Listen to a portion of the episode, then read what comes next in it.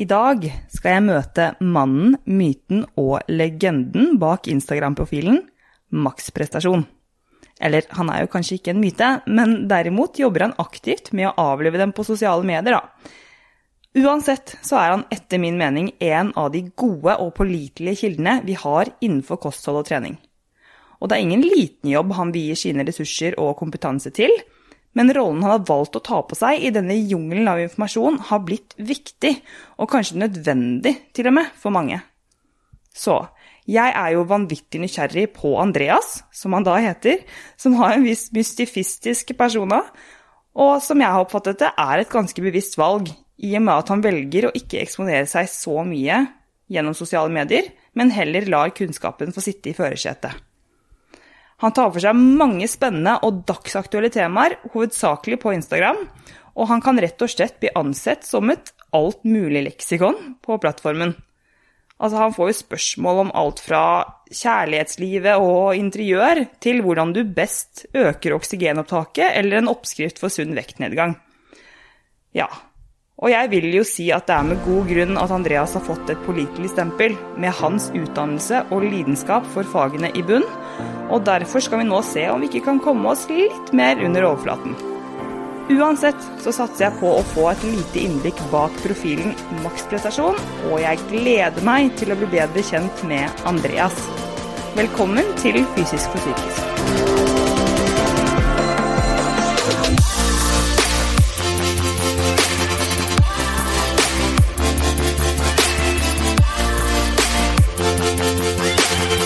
Jeg er så heldig å ha med meg tights.no på laget, som gir meg muligheten til å faktisk kunne lage denne podkasten, og det er jeg så utrolig glad for.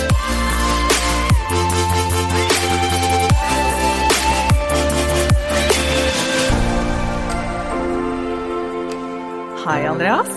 Hei, hei. Velkommen. Tusen takk for det. Altså, her har vi da den mystiske personen bak eh, profilen maksprestasjon, som du kanskje er mest kjent for? Eh, ja, det er nok folk som kjenner meg mest som maksprestasjon enn eh, det faktiske navnet mitt. ja. Ja, det er da fulle navn, hvis du har lyst til å si det? Jeg kan ta det med Andreas, jeg holder det der. Ok, du holder det der, jeg er du Ja, sikker? ja. Ok, bra. Du vet jo du har jo lyst til å være litt eh, litt mystisk. Ikke mystisk, men du har lyst til å være litt reservert når du kommer til å være, eksponere deg i media. Ja, så eh, det er nok bevisst at jeg ikke ønsker å være så veldig Eller jeg ønsker å være privat, jeg ønsker ikke å dele altfor mye av eh, meg og mitt liv. Selvfølgelig kommer jo noe, men det er nok ganske lite sammenligna med ganske mange andre profiler da, i eh, sosiale medier. Ja, men du er jo i hvert fall Altså, grunnen til at jeg vil ha med deg i dag, altså du er jo eh, Jeg er veldig nysgjerrig på deg, det tror jeg det er veldig mange andre som også er. Fordi at du, nettopp fordi at du er eh, så lite privat av deg. Men så er jo også den profilen du har, er jo så viktig i, eh, i dagens samfunn, syns jeg, av alle upålitelige kilder og alt mulig eh, vås som er ute, ute i forhold til eh, informasjon da, i, eh, i dagens samfunn, når det gjelder da trening og kosthold spesielt. Mm. Mm.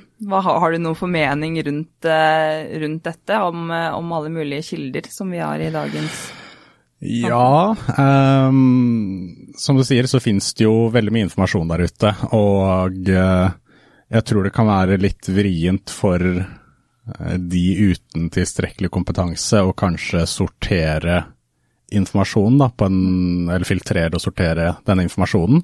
Fordi mange sitter jo, eller kan jo lese på internett om uh, alt mulig rart, og så uh, leser man kanskje veldig mye forskjellig, og ting som går litt mot hverandre. Og så sliter man kanskje litt med å sette det her inn i en form for kontekst, da. Og se hvordan man eventuelt kan bruke det her i praksis selv. Um, det kan jo være, la oss ta lavkarbo som et eksempel, så er jo det noen som mener at det er eh, noe man må unngå, og andre mener at det er det eneste som fungerer for alt her i verden. Um, men så veit man jo at sannheten ligger jo som regel et sted midt imellom, og hvorvidt eh, en ting funker for eh, et individ, det avhenger jo litt av helheten til det livet som vedkommende lever. Da. Alt fra hverdagsaktivitet og trening, jobbsituasjon, om de reiser mye eller ikke, om de har tid til å forberede mye mat eller ikke, osv. Så, videre, og så, så jeg ønsker jo å bruke den kunnskapen jeg har og um, profilen jeg har på Instagram, til å forsøke å formidle formidle trening, kosthold og helse på en litt mer nyansert måte. Da. Mm. Ja, det syns jeg du gjør på en veldig bra måte også. Altså Den Instagram-profilen du har, altså i og med at du også um, legger ut veldig mye uh, informasjon som, som, viser til kilder, men også, jeg føler at du er liksom med på å avlive mye av disse mytene og trendene. Og det tror jeg er veldig viktig, for det kan fort bli veldig farlig hvis vi skal hive oss på disse bølgene uten å ta hensyn til det du snakker om nå, da. Altså livsstilsfaktorer generelt. Ja, ja, så absolutt. Ja. Enig. Så individuelle forskjeller, da. Eh, mm. fordi at alt blir jo veldig sånn skjære over en kam. Eh, det gjør jo det. Jo, jo, jeg er helt ja. enig med deg. Så nei, jeg prøver jo også å avlive en del, om man skal kalle det, myter også mm. eh, i profilen min. Og det er noe jeg føler at ganske mange setter pris på, da. Ja. Jeg gjør i hvert fall det. Ja, så hyggelig. Jeg, ja, ja, men jeg har jo fulgt deg, altså jeg har fulgt deg kjempelenge. Og jeg syns jo Altså, jeg syns det står veldig stor respekt av den, altså, den kunnskapen som du ønsker å formidle eh, til mennesker via Instagram-profilen din spesielt, da. Eh, og, men likevel så har du jo sant, Du har jo eh, grunnen til at jeg føler at du er så pålitelig som du er i forhold til eh, all, all kontekst du ønsker å bringe frem. Det er jo fordi at du har en veldig bred erfaring innenfor feltet. Ja, det begynner iallfall å bli en god del år nå. Det er ja. eh, Har vel jobbet med trening og eh, kosthold i ja, snart 10-11 år. Mm. Og det er jo litt skremmende bare å tenke på sjøl, fordi det syns jeg har gått veldig fort. At jeg har jobbet med det her i 11 år nå. Så det begynner jo selvfølgelig å bli en del eh, praktisk erfaring, men i tillegg til da det teoretiske gjennom ja, å lese og studere også. Mm. Og det er jo den praktiske delen og den teoretiske, som kanskje er det viktigste, føler jeg, da, for å få en, la oss kalle en helhetlig forståelse for, uh, for tematikken. Da. Ja. Hva er, hva er utdannelsen din? Jeg har uh, Ja, jeg starta med økonomi og forretningsjuss, faktisk. Å oh, ja. ja. ja. Se her, ja. så det er ikke det jeg bruker eh, aller mest, mest i dag, selv om jeg ser jo jeg har faktisk fått litt bruk for det også. Men etter jeg gikk økonomi og forretningsjus i det var bare ett år, før jeg fant ut at det var ikke noe jeg trivdes spesielt godt med. Mm. Så sto valget mellom eh, idrettsvitenskap og eh, ernæring. Jeg valgte å gå ernæringsveien, og har da studert det i fem år, med spesialisering innenfor idrettsernæring. Mm. Og så har jeg utdanning som personlig trener i tillegg til det, da. Um, så det er vel mer min sånn, la oss kalle det akademiske bakgrunn, da. Ja. Mm. Ja, for du eh, Hva er det som fikk deg til å starte, vet du det? Hva som fikk deg til å, å ta utdannelse innenfor ernæring? Og falle innenfor denne bransjen generelt? Det var nok fordi jeg var eh, interessert i trening først og fremst, da. Og så følte jeg kanskje at uh, Eh, kostholdsbiten var der jeg kanskje mangla mest kunnskap. Mm. Så da vil jeg få, få, litt mer kjøtt på beinet der. Mm. Så da endte det med at det blei ernæringsveien. Så det var egentlig mest der jeg følte kanskje at jeg trengte mest Eller trengte mer faglig påfyll, da. Mm. Um, selv om jeg ser jo nå, liksom, for ja, mange år blir det siden, da? Ja, mange år siden iallfall, da. Mm. Så trodde jeg at jeg kunne en, en, god del om trening også, men jeg innser nå at det jeg kunne da, liksom, det Det var kanskje ikke eh, så veldig, veldig bra likevel, så jeg kunne sikkert gått uh, idrettsvitenskap også, sånn sett, altså. Uh, men ja. Ja, altså er du, er du, kanskje litt sånn som Jeg tenker jo i hvert fall det, at jo mer jeg lærer, jo mer jeg lærer meg, jo mer kunnskap jeg får, jo mer jeg utvikler meg, jo mer skjønner jeg jo at jeg ikke vet, eller ikke kan noe om. Ja, og det der er jo en uh, helt normal, uh, normal greie. Vi ser jo ofte at uh, når det kommer til det å diskutere ulike tematikker, så er det jo ofte de som kan minst, som roper høyest. Um, og det er jo et ganske sånn kjent, kjent fenomen, at etter hvert som man kan mer også, så forstår man jo mer av denne kompleksiteten av hvor, hvor avansert ting er, og hvor avhengig av kontekst da, ting er. Så man innser jo også at shit, det her, uh, det her er vanskelig tematikk, liksom. Det her veit jeg ikke om jeg kan svare godt nok på, for det avhenger av så veldig mange faktorer. Så dess mer man kan, kan om et tema, jo mer innser man at man har å lære også. Ja, ja, ja. Ja. Og det er jo det som er så fint, for det er jo uh, hvordan du uh, Akkurat det du sier nå, i forhold til hvordan du formulerer deg, ikke sant. Det er jo ehm, det du gjør på en veldig ydmyk måte. Så jeg har, vel, jeg har i hvert fall den forståelsen av at eh, de som kan mer, er ofte mer ydmyke. Eller de som har mer kjøtt på beinet, som du sier, er ofte og formulerer seg på en måte som gjør at det, i hvert fall innenfor den bransjen vi jobber i nå, innenfor trening og innenfor kosthold, innenfor den tematikken, så er det jo egentlig ingen fasit på veldig, veldig, veldig mye. Nei, er, jo, men det er jo nettopp det som er uh, eh, Hva skal man si, er litt av problemet også, føler jeg, er at når man kanskje ikke kan så veldig mye om et tema, så er det lett å uh, uttale seg eller formulere ting som en fasit. Da. Ja, ja. Uh, og det skal man være litt, uh, litt forsiktig med. Ja.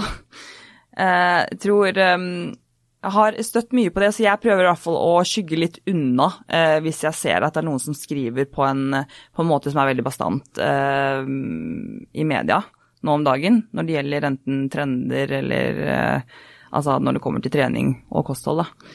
Men eh, ja. Jeg syns at eh, du er, jo, du er jo inne på det nå når du kommer til dette med, med innlegg osv. Så, videre. så hvordan er det Hvor gammel er du forresten? Jeg er 30 år, jeg blir 31. Ja, fordi eh, nå har du sier at ja, det er for mange år siden og du er Hvor, Når startet du da egentlig å trene? Jeg har vel stort sett eh, trent eller vært aktiv store deler av eh, livet. Da med både fotball og håndball og basket, amerikansk fotball og eh, for det meste ballidretter som jeg har drevet med. Men styrketrening starta jeg vel med da jeg var, jeg var vel 16 eller noe, som var aldersgrensa på Det var vel spenst eller noe på Jessheim jeg starta på, min, eh, min karriere, eh, hvor alt da handlet selvfølgelig om biceps og sixpack. Det var liksom det som Det eh, Ja, ja, det var det viktigste. Det var det eneste jeg ville oppnå, husker jeg. På den der introduksjonstimen hvor man gikk rundt og ble vist alle apparater og litt sånne ting, så var det ja hva man ville litt oppnå og sånn, da, så var det jo nei, jeg ville jo ha sixpack og hele den greia der, liksom. Det var jo det som var det viktigste. Um, men ja, så starta vel å trene styrke som 16-åring, men det var jo ganske av og på, kan du si, da. Jeg husker uh, eh, mamma også. Det var uh, Hun var jo opptatt på liksom ja, når du får medlemskap, så må du bruke dette medlemskapet og sånne ting. Og jeg bare ja ja, det, det var ikke noe problem, liksom. Og jeg, jeg, jeg sa jo det, ja jeg bruker dette, bruker det ofte. Men det jeg ikke tenkte på var at hun kunne gå innom spenst og se hvor mange ganger jeg hadde pipa dette kortet mitt, for å se om jeg hadde vært på trening eller ikke. Uh, så der fikk jeg jo selvfølgelig gjennom, gjennomgå litt etter hvert, det blei litt gjennomskua der. Um, men jeg klarte jo å outsmarte hun etter hvert òg, for jeg kunne bare gå innom og bipe kort og så gå, gå igjen. Så Ja, ok, ja. Du gjorde det? ja, ja, ja. Ja, det. Etter hvert så gjorde jeg det, liksom. Um, Ah, helt rått. men seriøs styrketrening, det blei nok ikke før jeg var uh, typ 18-19 kanskje, rundt sånn militære. 19 år, ja. Så rundt der. Hva følte du var viktig for deg da i forhold til treningen? Nei, det var eh, På den alderen der så tror jeg nok eh, 99,9% trener for det estetiske, altså utseendet. Det tror de som sier noe annet, de, de lyver litt. Eh, tror jeg, da. Ehm, så Men jeg ser jo det, dess eldre jeg blir, jo mindre viktig blir det estetiske, egentlig. Eh, men det tror jeg er også litt fordi man utvikler seg litt mentalt òg, da. Eh, Jeg tror at yngre mennesker de legger veldig mye verdi i utseendet sitt og kroppen sin, og tror at det er altså en, La oss kalle det en type, altså en bra kropp, da, bare for å kalle det noe. Alle skjønner jo litt hva det betyr. Mm. At man må ha en bra kropp for å kunne bli godtatt eller likt av andre mennesker. At man, hvis man ikke har en sånn typisk Instagram-kropp, så blir man sett ned på, eller det er vanskelig å få innpass hos andre, eller om man skulle få seg en partner, eller hva det enn det måtte være, så er liksom kroppen blir nesten ansett som det viktigste da, oppi sitt eget hode. Men dess eldre man blir, så ser man at uh, det er ikke det som er avgjørende for å ha det bra i Altså hvis man bare, altså La oss bruke en relasjon som et eksempel. Da, så er det ikke det som er avgjørende for hvorvidt man har det bra eller ikke. Det er uh, andre ting som er langt, langt viktigere for at man skal ha det bra med både seg selv og eventuelt i, uh, i relasjoner. Så uh, for min del så har jeg sett at grunnen til at jeg trener, da, har endra seg. Det har gått fra å være kanskje litt mer det estetiske til å heller være det å ha overskudd i hverdagen, kunne prestere bedre på jobb da, og kunne uh, utføre den jobben jeg ønsker. Uh, og selvfølgelig helseaspektet ved det. Også, altså, selvfølgelig, det, uh, det, estetiske vil jo være en bonus, men det er ikke det, er ikke det som er det er ikke derfor jeg trener. Nei. Det er av andre grunner. Mm. Så ja. Ja, det kan jeg stille meg bak, og det er jo veldig veldig sant. at uh, Nå har jo vi veldig forskjellige profiler sånn sett, men, men det er jo eh, de erfaringene du gjør deg da, opp gjennom årene som, som, gjør at det kanskje starter med det estetiske. Og jeg er jo i hvert fall veldig, jeg er i hvert fall veldig lidenskapelig opptatt av anatomi.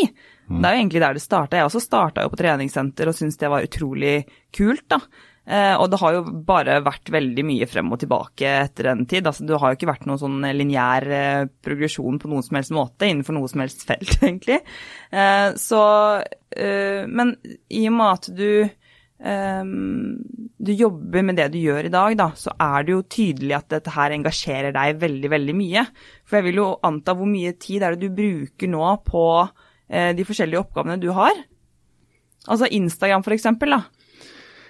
Ja, eh, det tør jeg nesten ikke å svare på, for det er mye tid, altså. Det er eh, Nå er det ganske mye mindre enn det det var tidligere, men jeg tror i snitt jeg bruker kanskje inne på, på Instagram-appen, så er det kanskje tre og en halv time per dag, da. Um, så jeg tror det er rundt tre og en halv time ja, tre og en halv time, tror jeg, sånn cirka. Det er hver dag på Instagram-appen. Um, men så er det jo i tillegg det her å lage, uh, lage innhold, da, som også tar tid. Og det gjør jeg da utenfor selve appen. Så lage et innlegg tar kanskje en time. Mm. Um, så det blir mye tid altså på, på Instagram. Ja, men det tar jo mye tid. Altså det er jo en jobb. Ja, ja, det er det. Og det, det er en jobb. Og det er jo egentlig ikke noe, ikke bare egentlig, det er jo ikke noe jeg får betalt for direkte heller, via Instagram. Så det er jo egentlig bare en formidlingskanal jeg ønsker å bruke for å spre informasjon og hjelpe andre, andre mennesker. Og litt av En annen motivasjonsfaktor da, bak profilen, det er at jeg ønsker å kunne eh, hjelpe også de menneskene som kanskje ikke har de ressursene eller midlene til å kunne benytte seg av en, om det hadde vært en personlig trener eller kostholdsveileder, eller hva nå enn måtte være. Mm. For det er jo ikke alle som har ressursene til. Um, så da ønsker jeg å kunne bidra med det, det jeg kan, da iallfall. Eh, som forhåpentligvis kan gjøre at de også kommer et eller annet steg på veien mot en bedre helse og livsstil. Da. Å, det er kjempebra. Jeg hyller deg for det. Det gjør jeg for virkelig. fordi at det er jo Det er jo som du sier, det er jo ikke alle som har ressursene. Altså, vi er jo der, PT-ene og kostholdsveilederne og ernæringsfysiologene og altså, alt mulig. Også når det kommer til psykologene, nå skal ikke jeg si at vi ikke skal bruke penger på det, fordi helsen er jo det absolutt viktigste, selvfølgelig. Men så er det jo også litt den, kanskje det, eh, det som står i veien for at man faktisk gidder å ta kontakt, da. Det er jo ikke alle som, som faktisk gjør noen ting med det, fordi at det er flere faktorer som spiller inn på eh, både det fysiske og det psykiske. Mm. Men når du faktisk har den informasjonen så tilgjengelig, eh, så er det viktig at vi har talspersoner som deg, da, som, som formidler eh, så fine budskap og gode budskap på den måten som de gjør. Syns jeg. Og, men altså, du har jo eh, Du har jo flere oppgaver, har du ikke det? Ikke bare Instagram-profilen. Selv om det opptar veldig mye tid, så har du jo flere, flere ting du jobber med. Ja da, det ja. har jeg. Jeg har mange baller i lufta, jeg. Så Nei, det er Instagram er jo én ting, men så har jeg jo i tillegg til det eh, jobber jeg jo med mennesker over nett, hvor jeg veileder innenfor trening og kosthold. Og det tar jo en god del tid, og har jo kommunikasjon via mail eller eh, samtaler over Zoom eller Teams eller hva nå enn det måtte være, eh, som jeg også da har eh, gjennom uka. Mm. Og så har jeg jo eh, til, altså tidvis også, jobber som foreleser eh, for eh, da de som skal bli personlige trenere eller kostholdsveiledere gjennom da Safe Education.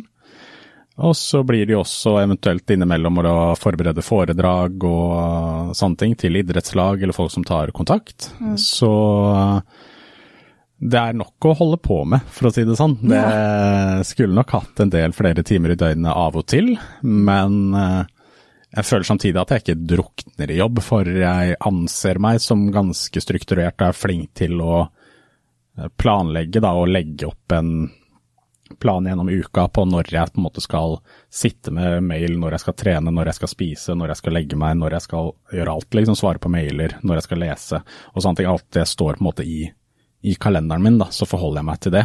Mm. Um, så ja, jeg prøver å effektivisere ting mest mulig, da. For jeg er ikke nødvendigvis en sånn person som tenker at nei, man må, uh, man må jobbe ekstremt mye for å for å lykkes med noe. Eh, for det handler jo ikke om nødvendigvis alle timene du jobber, men hvor mye du klarer å produsere på den tiden du jobber. Og hvis du er flink til å strukturere og planlegge, så klarer du å gjøre samme jobben som du ville tatt lang tid å gjøre da, på kortere tid, fordi du strukturerer ting. Ja, ja, du er jo strukturert, det har jeg fått med allerede. Eh, så vi har jo allerede konstatert at vi er vidt motsatt motsetninger, både når det kommer til eh, dette med struktur og når det kommer med tid og sånn. Fordi er, hva er du Andreas, er du en tidsoptimist, eller er du en tidsrealist, eller er du en tidspessimist, eller hvordan skal da, vi definere det? Ja, hvis du definerer det på den måten der, så er jeg ja. nok heller en uh, pessimist. Ja, det. Uh, så, for det er, jeg er av den typen uh, som selv om det er en innenlandsflyvning og eh, midt i uka og det er ingenting som tilsier at uh, du kommer til å bruke mye tid, så møter jeg som regel eh, opp tre, tre timer før og får sjekka inn og går rett til gaten. Mm. Så sitter jeg der og venter i to og en halv time, liksom, og forlater omtrent ikke plassen min. Um, så Ja, nei, sånn har jeg alltid vært, og det var jo Eh, litt nå i stad også, da jeg skulle møte deg. Det var jo en liten bom der, for så vidt. Men eh, det var jo Jeg eh, skulle jo møte deg klokken halv ti. Allerede da ble jo du stressa, egentlig. For ja. at vi skulle møte så kort tid før vi skulle spille. så jeg skulle egentlig i utgangspunktet møte deg halv ti, og så hadde jo jeg kommet fram til der jeg trodde jeg skulle møte deg, klokken to-tre over ni eller noe. Eh, så allikevel så var jeg nesten en halvtime for tidlig ute. Det viste seg jo da at jeg selvfølgelig hadde uh, møtt opp på feil sted, så jeg endte med å komme for seint til der jeg egentlig skulle være. Men uh, ja, nei, jeg liker å være tidlig ute. Og det verste jeg veit, det er å komme for seint. Det, ja. det tror jeg ja, nesten ikke at jeg har uh, gjort, typ. Nei. Med mindre det da skjer en åpenbar feil og misforståelse, sånn som i dag. Mm. Men eh, nei, jeg er uh, alltid tidlig ute, og jeg mener det er viktig å ha respekt for andres uh, andres tid. da. Og så er det selvfølgelig, altså Kommer man for seint, så er det greit, men da må man si ifra på forhånd. liksom Ikke bare komme valsende ti minutter for seint og late som, late som, ingenting. For det føler jeg er ganske respektløst. Mm. Det er jeg veldig enig i. Altså, jeg er veldig fint å si ifra der, men jeg må jo si at jeg var ærlig talt veldig redd for at jeg skulle være forsinka. Og så kommer jeg dit, og så er du der ikke. Og så ser jeg bare at du har sendt melding på Instagram at du står, har stått et annet sted i 20 minutter. Altså, jeg bare Å, herregud. Ja, men eh, det er veldig gøy, da. Altså, jeg syns det er utrolig spennende og nysgjerrig. Som sagt, eh, innledningsvis så er det jo du en person jeg er veldig nysgjerrig på, rett og slett fordi at eh, du har jo valgt å fokusere Instagrammen din på informasjon og ikke sant, på informative kilder, da, mm. eh, istedenfor å eksponere deg selv. Eh, og der også er vi jo strake av motsetningene, vil jeg si. Min profil er jo kanskje litt mer eksponert av meg som person. Eh, men uansett, det skal ikke handle om meg, og jeg er i hvert fall veldig, er hvert fall veldig eh, fascinert av deg. da. Jeg syns jo du er en veldig kul person på veldig mange områder. Eh, men hvordan, hvordan ser altså nå har jo, Vi fikk jo så mange spørsmål. Du spurte jo både på din Instagram, men du får jo spørsmål hele tiden. Eh, og vi har jo hva, hvordan, hvordan, er status i kjærlighetslivet, kan vi jo da først eh, spørre om. Når vi er inne på personlighetstyper og sånn, har vi kanskje skjønt at det, du hadde dratt ut håret ditt av å være sammen med meg, blant annet? Ja, det kunne nok blitt en uh, liten utfordring, tror jeg, for, uh, for begge. Um, Nei, status i kjærlighetslivet, det er uh, sikkert greit, det. Det er sikkert greit. er du singel? Uh, ja, altså Oi, oi, oi, oi! Jeg skal ikke ta ut enda lenger. ja, altså jeg er nok ikke 100% på markedet, for å si det sånn, da. Nei. Det, nei. nei. men det er, det er helt innafor å si. Ja. Så en lucky lady der ute som kanskje har deg på kroken. Det kan være. Ja, så hyggelig. Og hvordan ser da en typisk dag ut for deg? Det er jeg veldig interessert i å høre mer om, egentlig. Ja, hvordan ser den ut da? Jeg står opp som regel et sted mellom fire og seks. Mm. Og så starter jeg med litt eh, frokost og svarer på litt mail.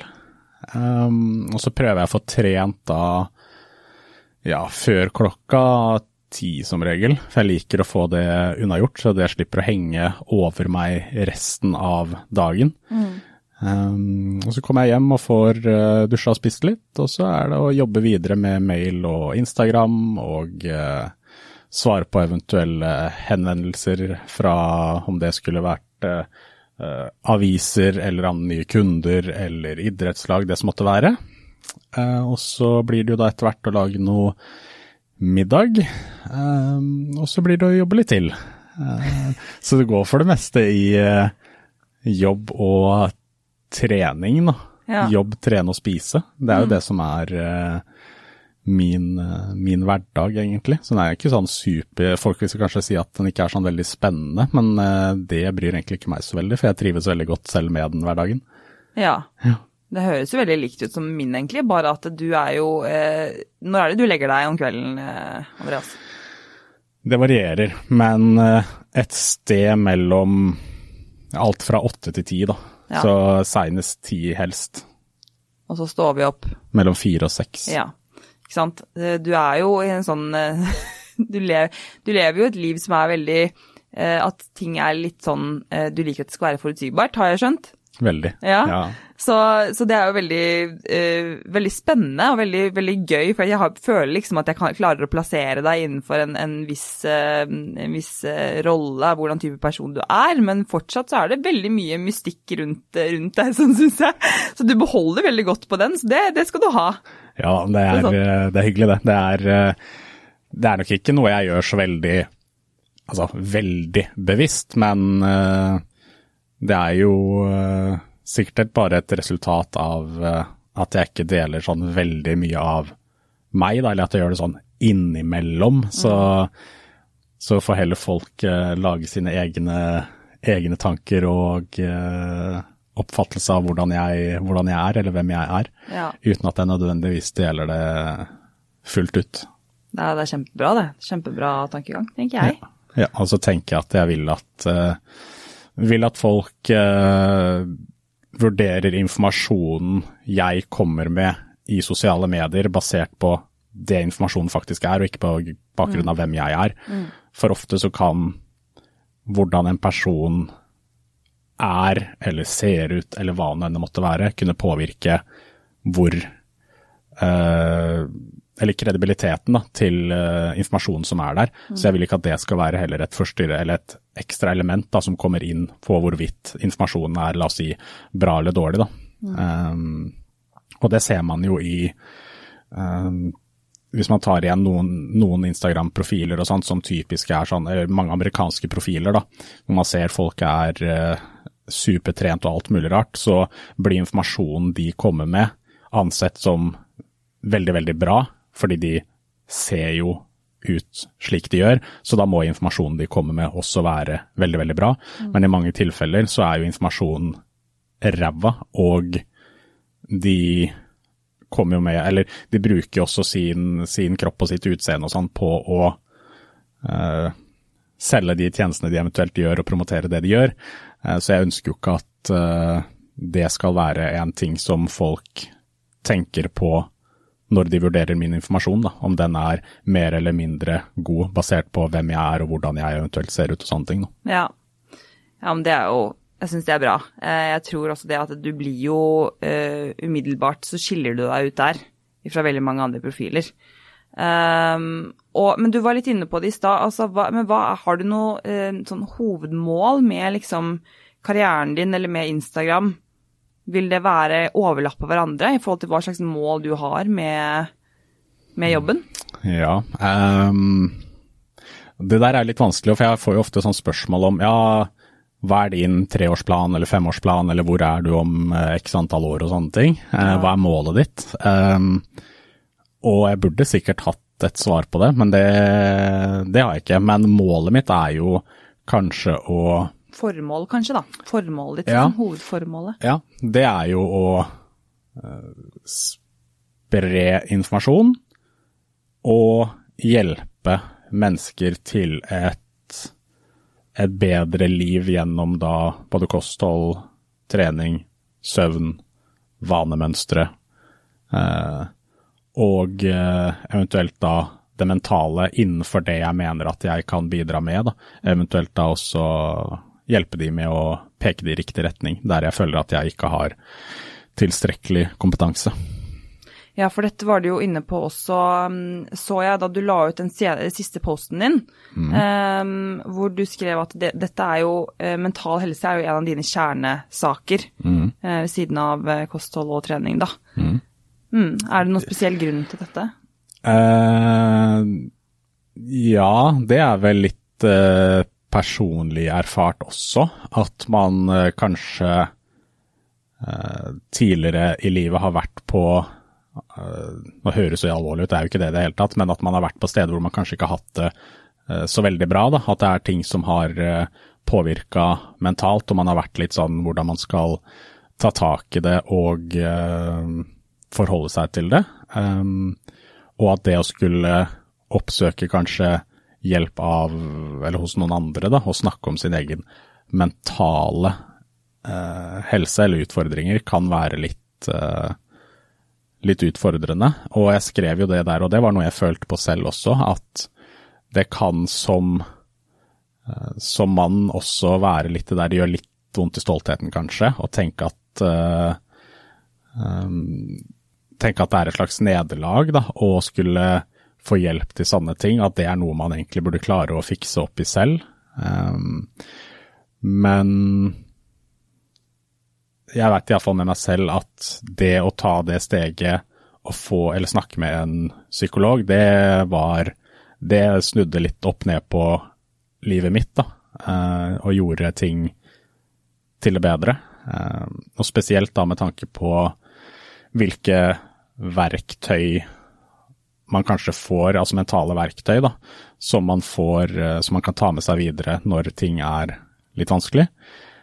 Og eh, så tror jeg det er veldig deilig å kunne eh, snakke med noen som har det her som sitt Altså har sin ekspertise da, innen, og at man også får satt ting litt i perspektiv. For når man snakker med en psykolog, så er det jo ofte du snakker om, snakker om dine ting, og så stiller de som regel noen spørsmål, eller gode spørsmål tilbake.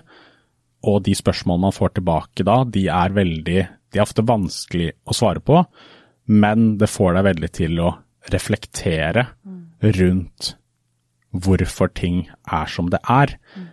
Og det, hvis man skal gjøre en endring eller forstå litt rundt uh, hvorfor ting er vanskeligere og hvorfor det er som det er, så er det jo Man må jo finne årsakene til det for å kunne gjøre noen, gjøre noen endringer. Ja. Eller senere også kunne kjenne igjen uh, ulike mønstre, da. Hvis man kjenner at ok, nå begynner jeg å komme inn i en periode som er krevende og vanskelig, jeg kjenner igjen disse Eh, kjenner igjen disse følelsene, jeg veit hva det her innebærer, hva, hvilke verktøy er det jeg kan benytte meg av nå, eller hva er det jeg kan gjøre da, for å gjøre den perioden her bedre, og stoppe på en måte her, da, istedenfor at det skal fortsette, fortsette nedover. Mm. Så um, det er litt på grunn av egen erfaring også, at jeg ønsker at, uh, å få fram spesielt det her med Altså Mental helse er viktig for alle, men det er spesielt det hos menn som er litt viktig for meg, for der føler jeg fortsatt at det er et litt sånt eh, et litt tabubelagt tema, at eh, menn er på en måte skal være store og tøffe og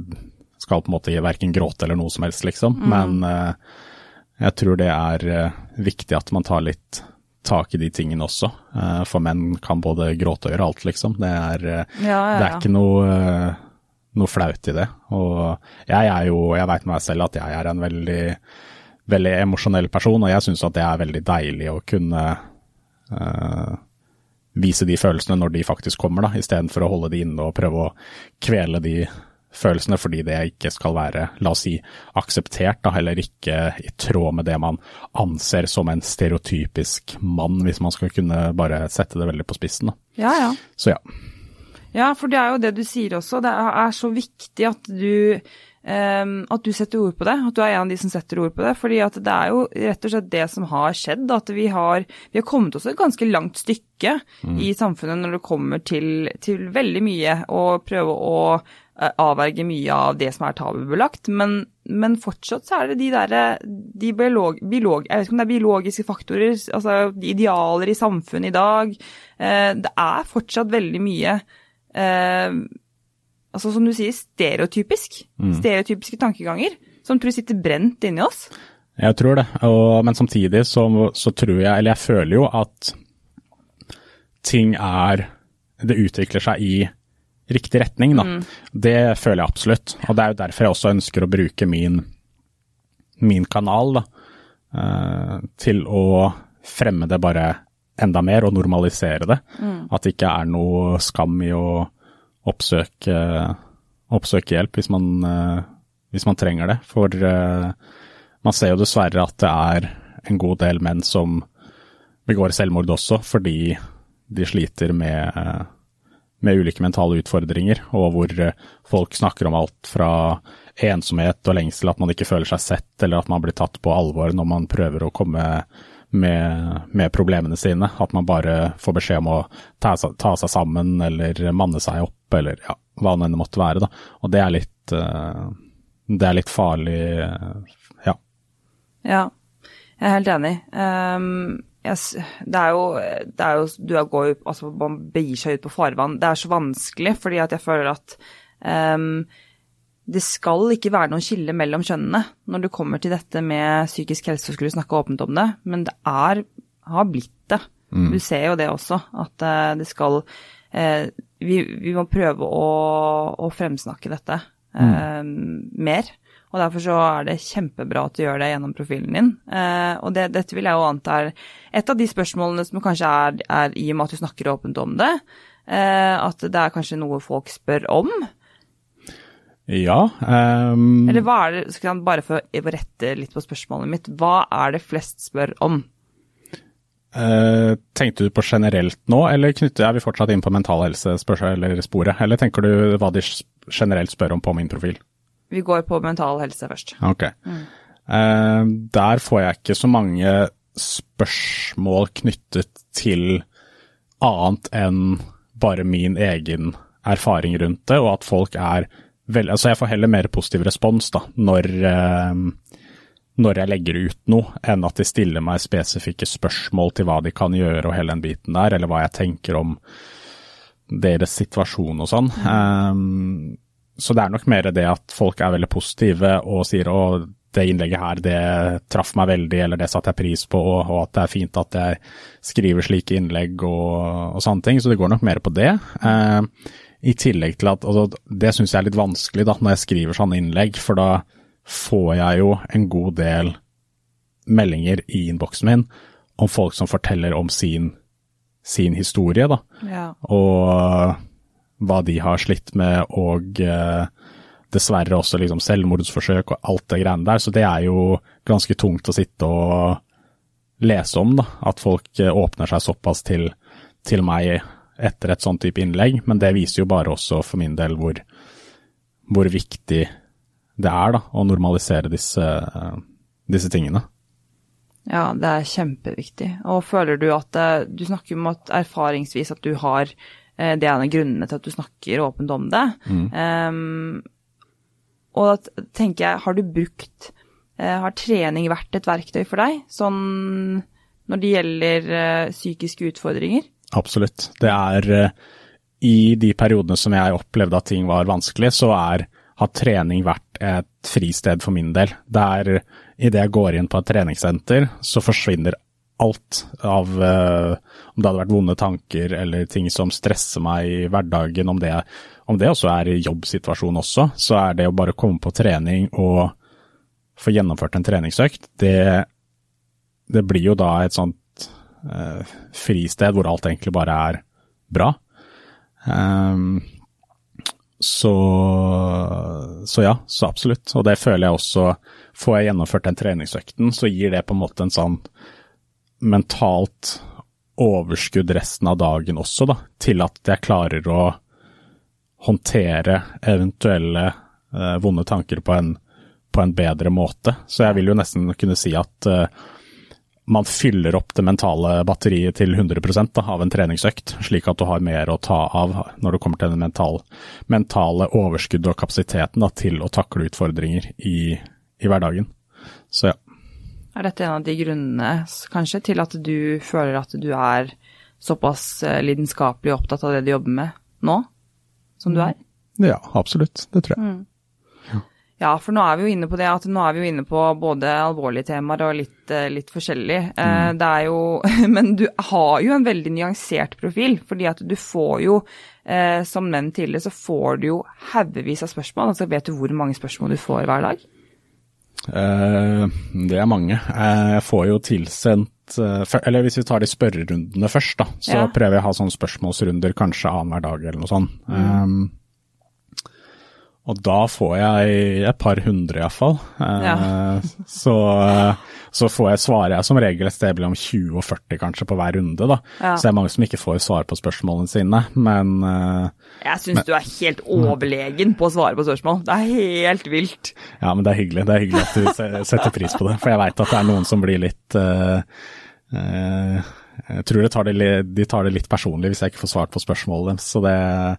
Men sånn er det. Det er ikke alltid lett å please, please alle, men uh, man gjør så godt man kan. Og så tror jeg det er litt viktig at man forstår at det her er noe jeg gjør på en måte gratis bare for å være hyggelig. Det er ikke Jeg skylder uh, ingen noe som helst. Det er uh, bare noe jeg gjør fordi jeg trives med det, og fordi jeg ønsker å bidra med informasjon innenfor trening, helse og kosthold. Um, og så får jeg selvfølgelig en hel del spørsmål i uh, innboksen min også, um, som man prøver å svare på, men som av og til kan bli litt, uh, litt vanskelig. Det hadde jo vært noe annet hvis jeg hadde fått betalt for å drive med de greiene der. Da hadde jeg følt et mer ansvar for å faktisk ta meg god tid til å svare på absolutt alt hele tiden. Men det å svare på spørsmål, det betaler på en måte ikke regningene mine, så det Ja, det burde gjort det, for du, gjør, ja, du gjør jo en skikkelig herlig jobb, og du, som du sier, altså, du prøver å være hyggelig, du er hyggelig. Ja, du er uh, vanvittig snill og hyggelig, det er kjempebra uh, at du gjør det. Men når du kommer til det, så skjønner jeg jo det at det tar jo ekstremt Det er jo, det er jo så tidskrevende. Mm. Dette med Instagram og det å svare på ting. Så du, du prioriterer jo faktisk dette her fordi at det er viktig for deg, da. Ja. Vil jeg jo anta. Um, men hva er det, ikke sant. For det er jo å gå inn på Jeg tenkte vi kunne ha en spørsmålsrunde, og det kunne jo vært det ene og det andre, men folk spør jo så mye forskjellig, så det er liksom noen ting som er veldig spesifikke. Mm. Uh, Men når vi går inn på dette med myter og trender som, som du prøver å være, hjelpe til med å avlive på sett og vis, da, kan vi jo si. Um, hva er det Fordi at veldig, veldig mange i dag gjør jo ting Jeg snakket jo nettopp med Bettina om dette, nettopp dette her, at det, det er jo ikke rart vi gjør ting så komplisert. fordi at det, vi kan lese én ting i media en uke, og neste uke så er det stikk motsatt. Mm. Ikke sant? Så jeg, jeg, føler litt at det er litt eh, den, dette med informasjonskapslene. Hva er det du føler folk spør mest om når du kommer til ja, La oss ta kosthold først. Hva er det folk lurer mest på? For her har vi sikkert mye i forhold til, eh, til på hva de skal spise. Ja. Eh, det folk spør mest om, tror jeg, er eh, hvordan, hvordan gå ned i vekt, egentlig. Og det er alt fra spesifikke, om det er dietter eller kostholdsfilosofier, eller hvilken type trening da, som er mest effektivt for vektreduksjon. Det er ganske mye av det som, det som går igjen. Mm. Hva anser du som, som kanskje topp tre verste kostholdsmyter, da? uh, ja, si det. Um, det er vanskelig. Uh, hvis jeg skal ta en som jeg kom på nå, så er det at man ikke kan spise etter klokka åtte fordi man da legger på seg. Det er nok en av uh, mytene ja, ja. som kommer uh, ganske ofte fram. Eller så er det at uh, karbohydrater er noe man må kutte ut, fordi da karbohydrater det fører til overvekt. Det er nok også en myte som fortsatt står ganske, ja. ganske mange. også en tredje kostholdsmyte som ofte kommer fram. Det kommer jeg ikke på farta, men det kan jeg eventuelt komme tilbake til hvis det plutselig dukker opp oppi hodet mitt. Mm, mm, ja, ja. Det er jo mye av dette her jeg også har tenkt rundt, at det er jo mye i forhold til hva du ikke skal gjøre, i hvert fall. Mm. Hva du ikke skal spise, hva du ikke skal gjøre. Ja, det stemmer. Ja. Og der er jo jeg Jeg er jo litt motstander av en sånn type, type tilnærming da, til kosthold og trening, eller hva det enn måtte være. Eh, fordi jeg mener det har litt med den mentale innstillingen og hvordan man ordlegger seg, da, og hvilke, hvordan det påvirker vår mentale innstilling.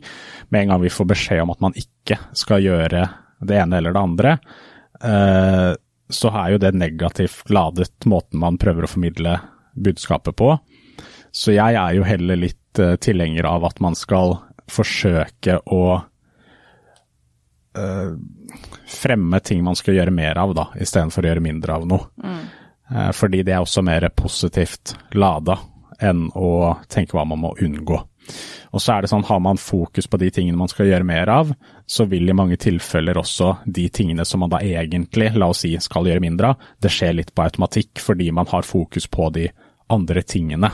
Mm.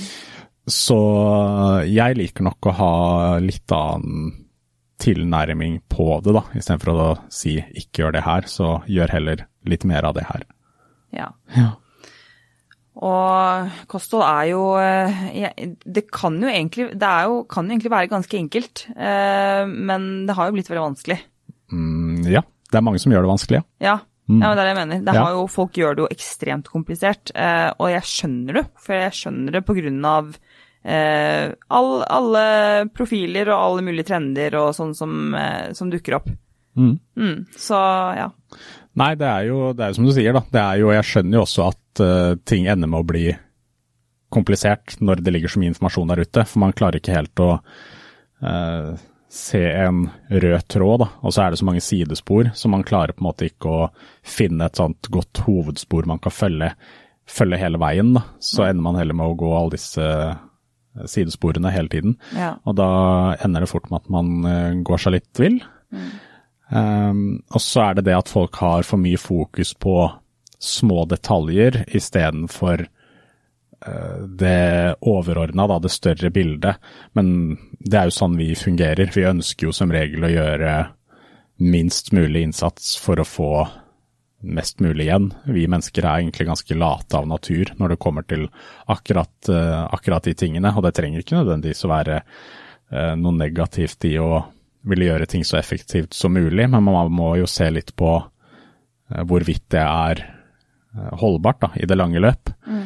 Og hvis man begynner å tenke på La oss bare ta restitusjon da, som et eksempel. Eh, så det å skulle drive med en foam roll eller andre massasjeteknikker og ta tilskudd som skal hjelpe for bedre restitusjon, det om tanken, altså tanken kan være veldig god, men hvis man da sover eh, fire-fem timer eh, hver natt, så mener jeg at man starter litt på feil sted. Da. Fordi søvn er jo et mye mer effektivt verktøy for restitusjon enn det en massasjerulle er eller et eller annet kosttilskudd. Um, og det samme gjelder jo hvis man tar fettforbrenning eller fettreduksjon, så vil det ha mye, mer, mye større effekt og um, uh, spise mye frukt og grønt, bær, få i seg nok proteiner, uh, litt hverdagsaktivitet og sånne ting, fremfor å kjøpe sånne fatburner-piller osv. Så, videre. så jeg føler at folk uh, prøver å finne disse superenkle løsningene, og jeg forstår jo at folk gjør det. Fordi det å skulle endre mer på livsstilen sin, det er jo ting som faktisk krever en mye større innsats. Og det er noe man må faktisk må jobbe for, da. Man må mm. legge ned tid og energi i det. Det er mye lettere hvis man bare kunne tatt en, tatt en pille. Eh, men eh, ja. der har vi ikke kommet helt ennå, dessverre. Nei, der har vi jo egentlig det samme når det kommer til trening også. At det er jo egentlig den beste medisinen, du, altså den beste pilla du kan ta. Mm. Det er jo det han Ole Petter Gjelle står for også, at hvis, eh, hvis trening hadde vært en pille, så hadde vel alle tatt den. Når det kommer til hva den faktisk kan gi av gevinst, da. Ja ja, absolutt. Det er listen over helsefordeler da, man får av trening, den er jo uendelig lang. Så,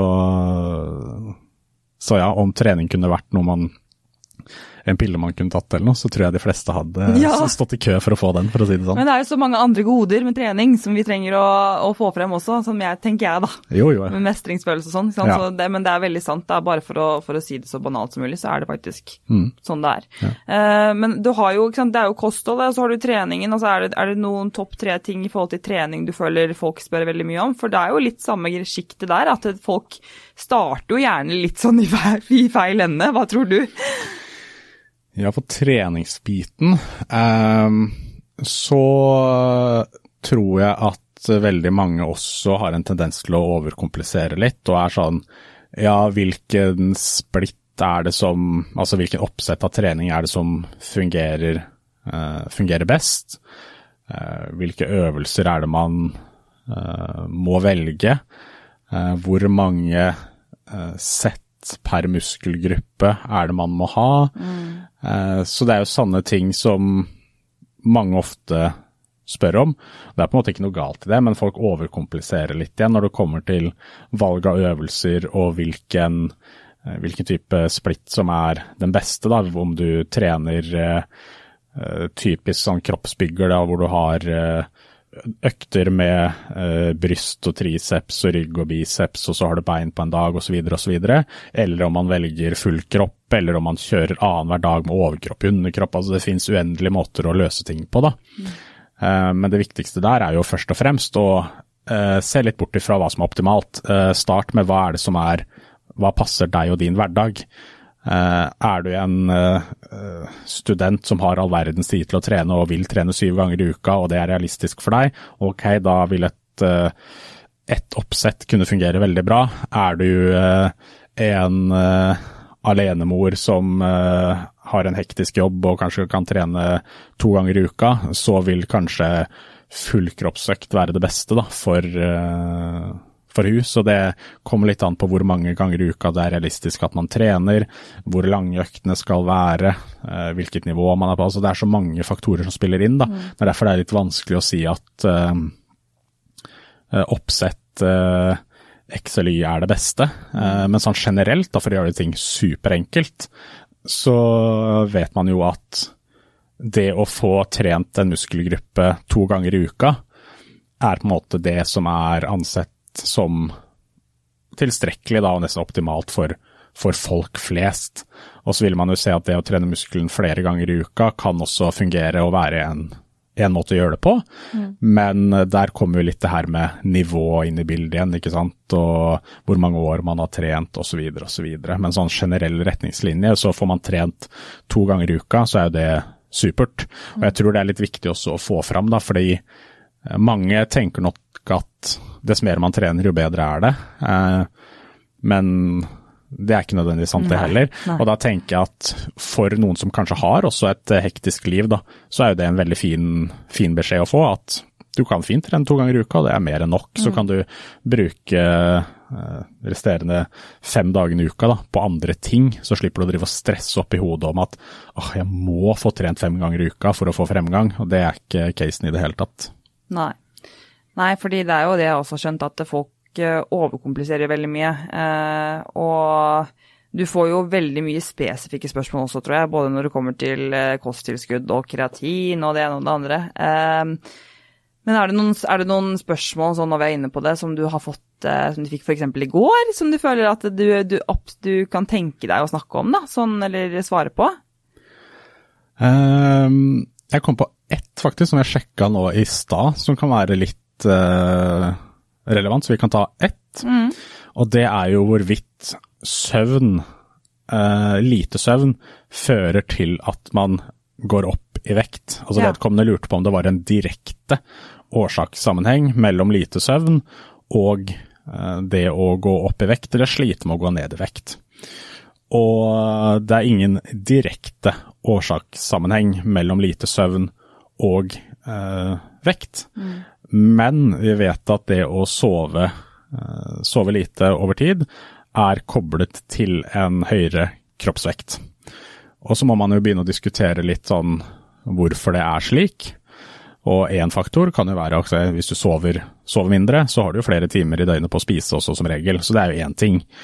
Um, men så vet vi også at eh, lite søvn påvirker også hormonsystemet vårt, og deriblant da uh, appetittregulerende hormoner. Man er ofte mer sulten, og man blir ikke like fort mett hvis man da sover lite kontra det som da er anbefalt.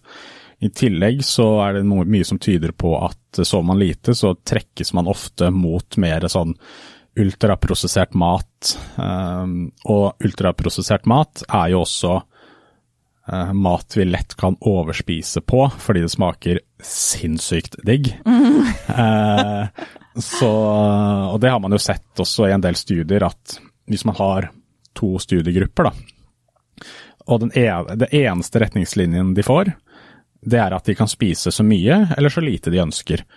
Og fordelen med en sånn type studie er jo at det er jo sånn virkeligheten er for de fleste. Vi, jo, vi kan spise, og, eller spise så mye eller så lite vi vil. Mm. Eh, og Man så da at gruppen som hadde tilgang på ultraprosessert mat, eh, spiste jo da i snitt rundt 500 kalorier mer i løpet av en dag enn de som da spiste mat som var minimalt prosessert. Så hvis man ser da de som sover mindre, de sliter litt med appetittreguleringen sin, de har flere timer å spise på, og de trekkes mer mot mat som er ultraprosessert, ehm, så er jo det eh, de faktorene som trolig er knyttet til uh, hvorfor lite søvn er knyttet til en høyere kroppsvekt. Da. I tillegg til at man ser ofte, ok, uh, ser man på individer som sover lite, kanskje det også er en gruppe mennesker som har en litt annen sosioøkonomisk status. Kanskje de ikke er like ressurssterke, kanskje de uh, igjen da eh, ender med å kjøpe mer, la oss kalle det dårlig mat, bare sånn for å kalle det noe. De er eh, mindre aktive, eh, de drikker kanskje mer alkohol. Uh, og uh, andre ting da, som kan påvirke hele det bildet her. Så nice, lite søvn er ikke en direkte grunn til at uh, man har en høyere kroppsvekt eller sliter med å gå ned i vekt, men det er alle de andre konsekvensene da, som kommer som et resultat eh, av eh, lite søvn. Så det er et av eh, spørsmålene jeg bare kom på som jeg syns var litt greit å kunne, kunne ta med. da. Ja, ja, ja. Det er kjempeinteressant. Altså, når du kommer til søvn, så er det jo Det er et så viktig verktøy. Både når det gjelder å være klar i hodet, men også når det gjelder å, å klare å prestere med noe fysisk. Ja, ja, uten tvil. Og det jeg syns er litt fascinerende, som sagt, da, det er jo at vi bruker mye penger på eh, produkter eller eh, eller ja, produkter som skal gjøre søvnen vår bedre, eh, og mye penger på det, istedenfor at Altså, søvn er jo det er helt gratis. Det er, uh, det er noe man bare må velge å prioritere, istedenfor å sitte oppe og scrolle i sosiale medier eller sitte med Netflix og hele den biten der. Uh, Selvdisiplin. Ja, jo. Ja, jo. Ja. Det er jo det. Eh, man må velge å prioritere det. Fordi når kvelden kommer, så er det mange som faller ned i sofaen. Det er ikke på ingen måte noe galt i det, men så er det det å tenke Man må jo se på hva føles godt her og nå. Hva er best for meg i det lange løp? Så istedenfor å tenke akkurat kun her og nå, hva er det som frister for meg nå? Jo, det er å sitte på om, altså Se noen episoder av et eller annet på Netflix eller noen andre strømmetjenester. Eller da sitte og scrolle på sosiale medier. Eh, det er det du har lyst til her og nå, men det å faktisk da slå av Netflix og eventuelt droppe sosiale medier og komme seg i seng, det vil føles bedre dagen etterpå og i det lange løp, med tanke på overskudd og energi. Så istedenfor å tenke bare kun her og nå, så må man prøve å tenke litt mer langsiktig. Og så er det ikke noe i veien for å innimellom eh, legge seg på sofaen og så se to-tre episoder, og så blir klokka plutselig 11-12 og til og med kanskje ett en gang. Det er ikke, det er ikke der problemet ligger. Eh, problemet ligger jo i at hvis det er vanemønsteret, at man he, altså kronisk lite søvn, det er der det problemet ligger. Eh, så der må man jo se på Man kaller jo det her for søvnhygiene, da. Eh, og hvordan søvnmønsteret er. Og har man god kontroll på det, så er det ikke noe problem å uh, ha enkelte dager hvor det sklir litt ut. Og sånn er det med trening og kosthold også. Hvis grunnmuren og fundamentet er bra, så gjør det jo ingenting at uh, ting går litt utenfor det normale av og til. Og det tror jeg er noe som Spesielt de som kanskje ikke har så mye kunnskap innenfor trening og kosthold, da, de har en tendens til å De overreagerer veldig og overtenker når det kommer til det her med kosthold og la oss kalle det utskeielser, da. Eller hvis de har en uke hvor man ikke får trent så veldig mye, så tror de at det har en en enorm konsekvens, da, og så tar de og graver seg litt ned. Man ser jo de som har mye kompetanse innenfor trening og kosthold. Det er sånn ja, den dagen her så gikk det litt i dass med kosthold, både spist det og drukket det og sånne ting. Eller denne uka her så fikk jeg ikke trent så veldig mye. Det går på en måte ikke like mye inn på, inn på oss, da, fordi vi veit det her med at i løpet av et år så er det kanskje Nå kan vi jo bare ta noen helt fiktive tall, da, men la oss si man har eh, ti uker i løpet av et år da, hvor ting går rett i dass. Så har man jo allikevel 42 andre uker som går dritbra. Mm. Det er jo de 42 ukene som går dritbra som er avgjørende for hvordan ting er som en helhet, ikke de ti ukene som har gått veldig dårlig. Og det er der jeg føler at mange har Vi har jo en tendens til, da, og det er litt synd, men vi har en tendens til å fokusere på alle de tingene vi ikke får til, og så glemmer vi alle de tingene vi faktisk får til. Eh, så hvis man har eh, eh, La oss ta Frukt og grønt, da, som et eksempel. At man har eh, som mål å få inn mer frukt og grønt i kostholdet sitt. Så er man flink til det både mandag, tirsdag, onsdag, torsdag, fredag, og så sklir det kanskje litt ut lørdag, søndag. Så har vi en tendens til å legge veldig mye vekt på lørdag og søndag, hvor vi ikke fikk til det vi skulle. Uh, og så glemmer vi alt det som skjedde tidligere i uka, hvor man faktisk fikk til veldig mye av det her. Uh, så derfor mener jeg at det er litt viktig at man er bevisst da, og litt sånn til stede og reflektere litt rundt hvordan ting faktisk er. For det er de to dagene hvor man ikke fikk inn noe frukt og grønt, det, det er greit nok det, når du har vært eh, flink resten av, eh, resten av uka. Så handler det jo bare om å finne ut av man kan jo eventuelt gjøre seg opp noen tanker, da. Hvorfor, hvorfor var man ikke så flink lørdag og søndag? Og så ser man jo om det er noen naturlig forklaring der, eller hva det måtte være, men at man samtidig også prøver å se verdien i det man har det man har fått til. da. Mm. Men det jo, altså, blir jo et lite sidespor, da, men der føler jeg at vi generelt er ganske dårlig. Eh, eh, altså generelt, da. At eh, vi er flinke til å finne feil hos andre mennesker og påpeke hvis ting ikke er bra nok. Men vi er ikke så veldig flinke til å rose da, eller si at shit, det her var bra, dødsbra jobba og sånne ting. Eh, så syns jeg mange er veldig eh, litt for mye på akkurat det her. Nei, det her var ikke bra nok, eller du gjorde ikke det eller det, eller ja, hva nå enn det måtte være. da. Så jeg syns at vi skal bli flinkere til å eh, skryte av de rundt oss også, da.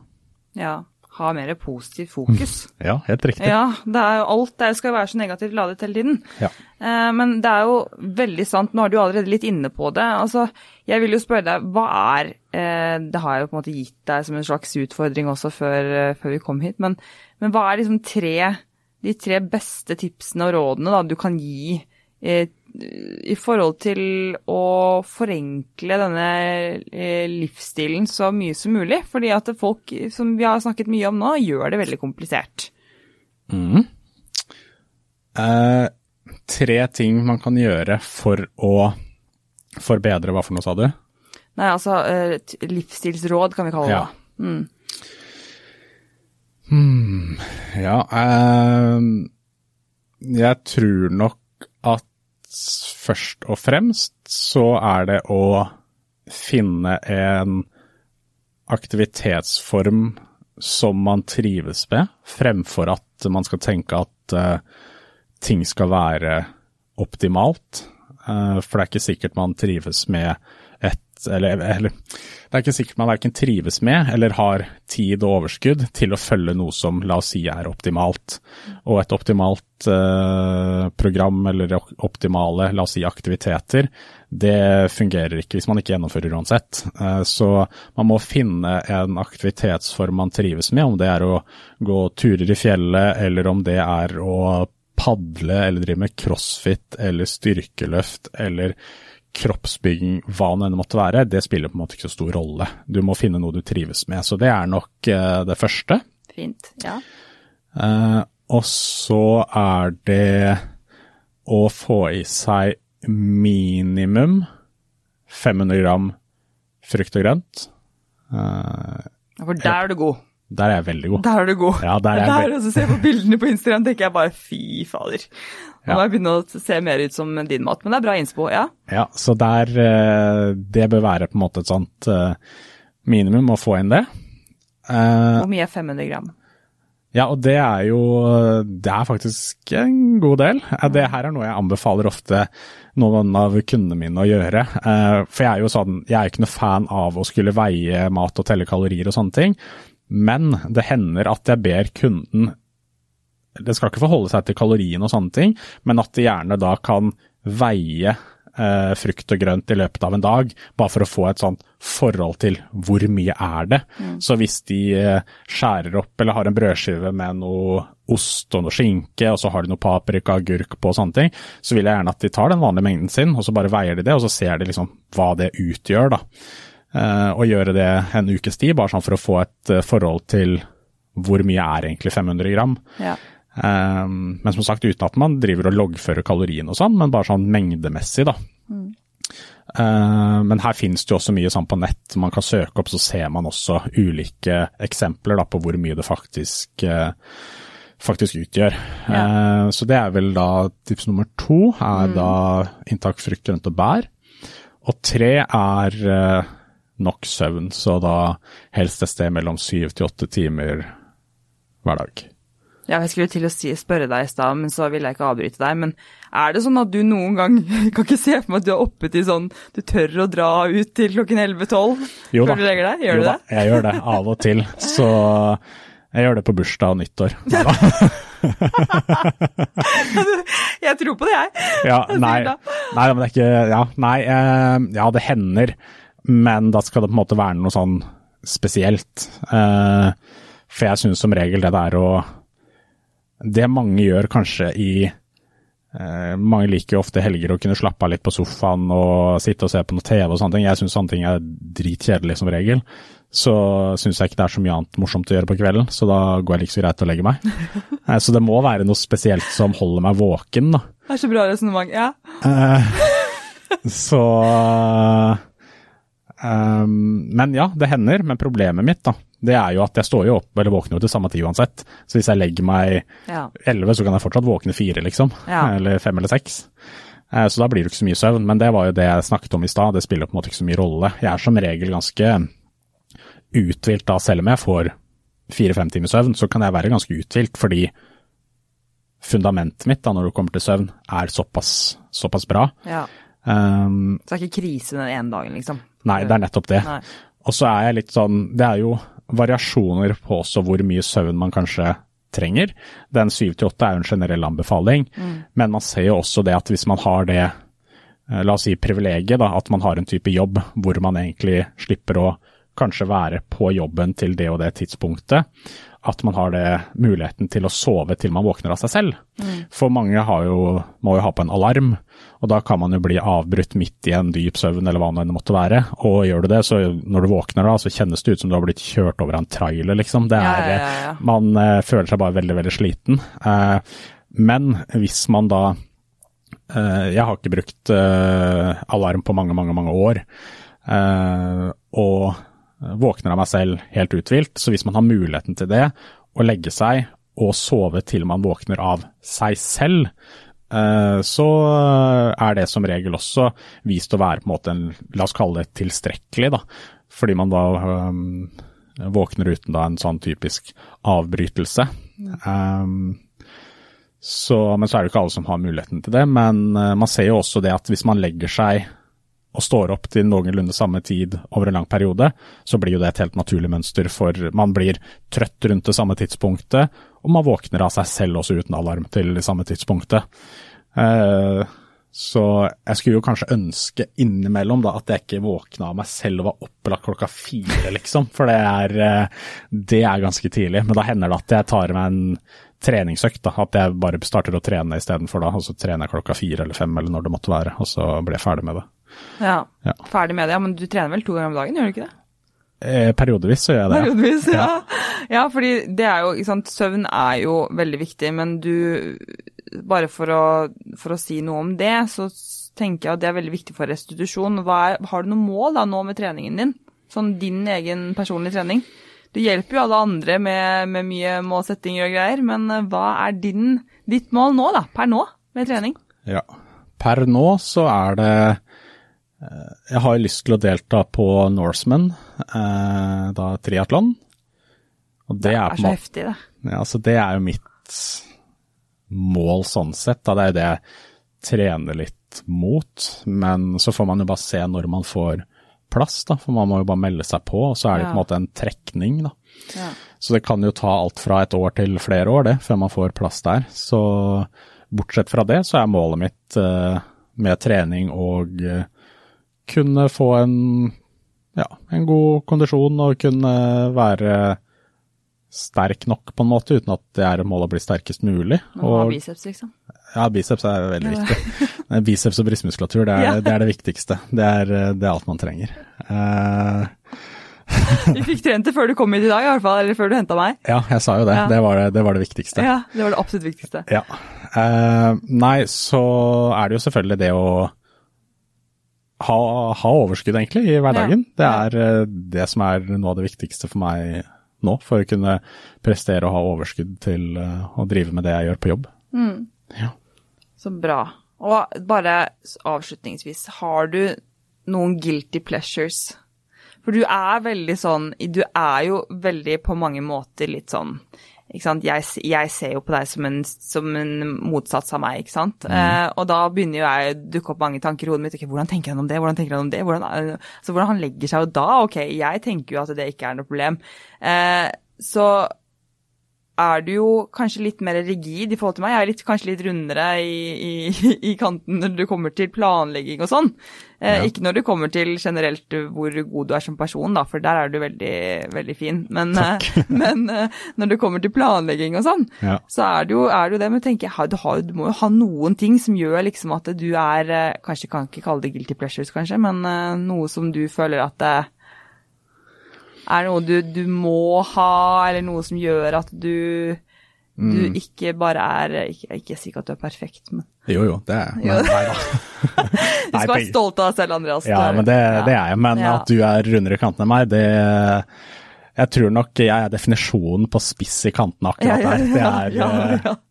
Jeg prøver da, har prøvd de siste årene å runde av disse hjørnene lite grann, liksom. Men eh, ja, får se hvordan det går etter hvert. Men guilty pleasures, og noe jeg må ha eh, Nei, altså jo. Eh, det er to ting jeg må ha i hverdagen min som er sånn, det klarer jeg meg på en måte ikke uten. Okay. Det er iskaffe. iskaffe, ja. og det er én til to ruter med Freia melkesjokolade hver dag. Oi, oi, oi! Ok, ja, men det, det, det er fine guilty pleasures, syns jeg. Ja, så jeg eh, setter den ene eller de to rutene med Freia melkesjokolade eh, hver dag. Det er noe jeg setter veldig høyt. If it fits your macros. Ja, noe sånt. Ja. Eller bare fordi du har lyst, liksom. Det er fordi jeg har lyst. Ja, Det er eh, Starter faktisk morgenen min da. Det er eh, iskaffe, og så har jeg den uh, ene ruta melkesjokolade mens jeg driver og lager resten av frokosten min og sånn. Jeg har suttet på den. Åh, Så, ja. Men sjokolade om morgenen, det må jeg bare si, det er faktisk det beste. Men her skal du få et spørsmål av meg, da. Ok, ja. For det her er jo eh, For å se om vi er forskjellige der også. Ja. Skal melkesjokoladen være romtemperert eller i kjøleskapet? Åh, dette hadde jeg faktisk eh, en samtale med en på kurs om for en uke siden. Jeg, jeg er veldig Jeg føler at eh, jeg har begynt å ha det i kjøleskapet. Så jeg har begynt å ha den i kjøleskapet, men det er, kan, noen ganger så kan det være at jeg syns det er veldig digg når den ikke har vært i kjøleskapet, og så andre ganger så Å, nå, nå må jeg legge den i kjøleskapet, fordi at nå, nå vil jeg ha den kald. Ja. Så du ga meg jo ikke noe konkret svar der, da. Hvis du måtte velge, måtte valgt, Ja, må- kjøleskap eller romtemperert? Ok. Um, romtemperert. Du er håpløs, altså. Men greit. Ja, da kan vi bare runde av da. Vi skal ikke ha det. jeg tenker jo, Det er jo en fin måte å runde av. Så du burde jo hatt din egen podkast, føler jeg. Eh, men eh, hvis du ikke får det, så må du gjerne være, være her med meg oftere. Jo, jo. Veldig gjerne. Det hadde Ja. vært eh, kjempehyggelig, det. Ja, for jeg føler jo, ikke sant, sånn som nå sitter jo jeg og føler, eh, som den kritiske sjelen jeg er, spesielt til meg selv, at det er jo ikke sant, det er så mange ting som jeg føler at jeg har lyst til å gå inn på, men så er det litt den å bare, det var jo derfor jeg også hadde lyst til å spørre på Instagram, ikke sant, hva er det vi skal spørre Andreas om? Ja. Eh, fordi at jeg, jeg er dødsnysgjerrig på deg, og jeg føler at jeg har fått liksom svar på en del, men du er jo fortsatt et sånt evig leksikon. Eh, så vi er jo veldig heldige som har deg i eh, La oss si vi er heldige i Norge som har deg. Ja, nå blir det mye her, merker. Nå blir jeg nesten rødme litt. Du er, det er jo helt sant. Um, men eh, jeg tenker jo i hvert fall at eh, det hadde vært utrolig fint å ha deg med oftere. Så kan jo, vi kan sikkert snakke om etter at jeg tar slutter på, setter på pause her, så kan vi sikkert snakke litt om noen sånne videre planer som vi kan, vi kan legge. Ja, ja. Um, det syns jeg hadde vært kjempekult, fordi her har jeg så mye jeg tenker at eh, vi kan få svart på, så er det veldig fint også, i og med at du bruker så mye tid på sosiale medier, at du kanskje kan finne et annet, eh, et annet verktøy eller et annet middel å få ut og spre informasjonen da, til et bredere publikum på. Absolutt. Så her er det bare, her er det gull Ja. vi graver etter. Ja ja. Nei, men eh, åpen, for det, vet du. Så vi kan snakke mer om det. Ja, så bra Andreas. Men tusen hjertelig takk. Altså, takk for at eh, du er så kul, og at du er her og henter meg og stiller unna meg. Nei da, men eh, selv takk. Jeg syns det er eh, veldig, veldig hyggelig. Ja, Ja. så bra. Og som jeg alltid pleier å runde av med, så sier jeg at du må huske å være snill med deg selv. Den støtter jeg. Du støtter den. Ja. Ok, ha det bra. Ha det bra.